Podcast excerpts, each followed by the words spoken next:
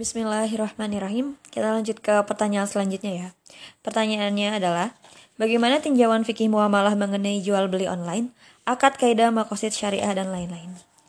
Merujuk ke pernyataan dan jawaban dari Dr. Oni Syahrodi dalam Harian Republika tentang jual beli online, bahwa jual beli melalui online atau marketplace ini diperbolehkan e, merujuk pada pendapat ulama ahli fikih yang memperbolehkan transaksi antara penjual dengan pembeli yang berbeda tempat. Jadi, e, mayoritas dari ulama ini memperbolehkan adanya transaksi atas barang inden atau ready stock. Jadi, kan kalau misalkan di online itu kita lihat barang ini, inden, ready stock itu boleh.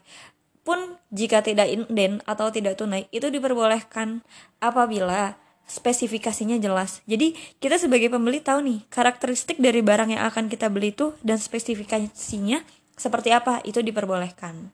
Lalu, jual beli online ini diperbolehkan dengan ketentuan barang yang dibeli halal dan jelas spesifikasinya. Kayak tadi yang udah dibilangin sebelumnya ya, bahwa barang ini tuh halal dan jelas spesifikasinya. Misal baju. Kita tahu nih baju ini bahannya seperti apa, ukurannya seperti apa dan itu jelas, itu diperbolehkan. Terus e, memang dibutuhkan dan tidak ada unsur tafsir jelas ya kan dalam Islam itu tidak boleh adanya tafsir atau mubazir gitu. Itu tuh nggak diperbolehkan. Lalu, ada hak pembeli untuk membatalkan atau melanjutkan menerima jika barang diterima tidak sesuai pesanan, serta sesuai dengan skema jual beli. Kesimpulan ini berdasarkan telaah terhadap standar syariah internasional AAOIFI, fatwa DSN MUI terkait dengan jual beli dan ijaroh, serta kaidah-kaidah fikih muamalah terkait. Jadi, kayak tadi, uh, ada hak pembeli untuk membatalkan atau melanjutkan menerima jika barang diterima tidak sesuai pesanan. Misal kita ambil contoh kasusnya di platform uh, di marketplace Shopee. Kan kita membeli tuh. Kalau seandainya kita di akhir menemukan kecacatan atau kerusakan dalam uh, barang, kita boleh mengajukan return kan kepada penjual. Nah, itu diperbolehkan. Uh, lalu kita punya hak untuk membatalkan. Misal, barang ini tidak sampai ke kita setelah waktu yang telah ditentukan atau waktu yang telah dijanjikan. Kita boleh membatalkan hal itu dan uang kita akan kembalikan ke akun kita.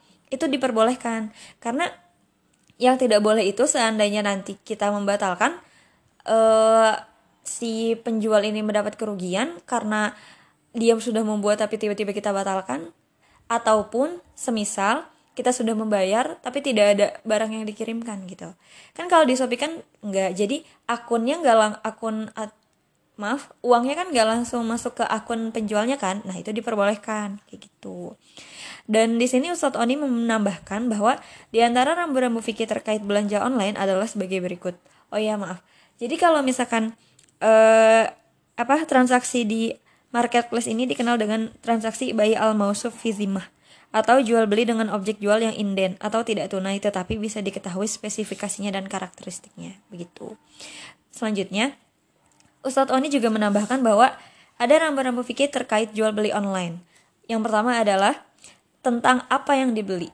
Jadi, apa-apa yang kita beli di online ini harus memenuhi kriteria di antaranya satu, barang atau jasa yang dijual adalah sesuatu yang halal.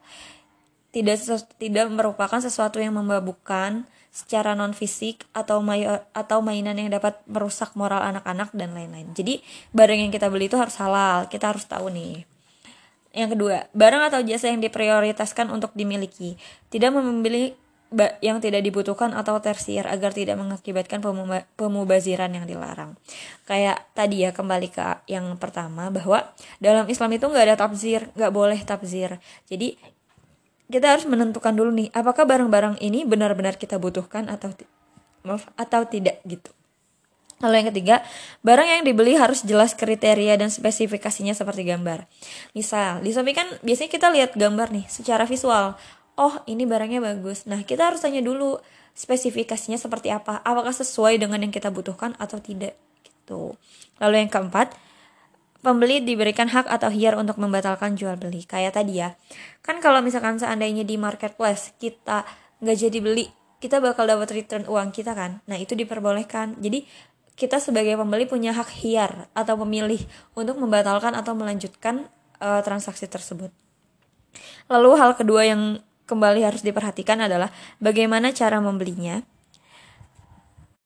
Merujuk ke Majma' al-Fiqih al-Islami atau Divisi Fikih Organisasi Kerjasama Islam atau OKI nomor 51 tahun 1990 membolehkan jual beli tidak tunai dan merujuk ke fatwa DSN MUI nomor 4 tahun 2000 tentang murabahah bahwa transaksi jual beli antara penjual dan pembeli baik jual beli tunai maupun tidak tunai barang diserahkan secara tunai sedangkan harga diterima oleh penjual secara tidak tunai itu diperbolehkan. Jadi ini sudah jelas ya, sudah ada fatwa DSN MUI-nya bahwa hal ini diperbolehkan gitu. Lalu Berdasarkan skema jual beli antara pemilik produk dan pembeli melalui marketplace, penjual berhak mendapatkan margin atas produk yang dijualnya sesuai kesepakatan. Jadi boleh mengambil untung si penjualnya. Tentu kan kalau misalkan namanya juga jualan pasti kita uh, ini dong pengen untung gitu. Jadi penjual ini boleh mendapatkan margin dari hal itu.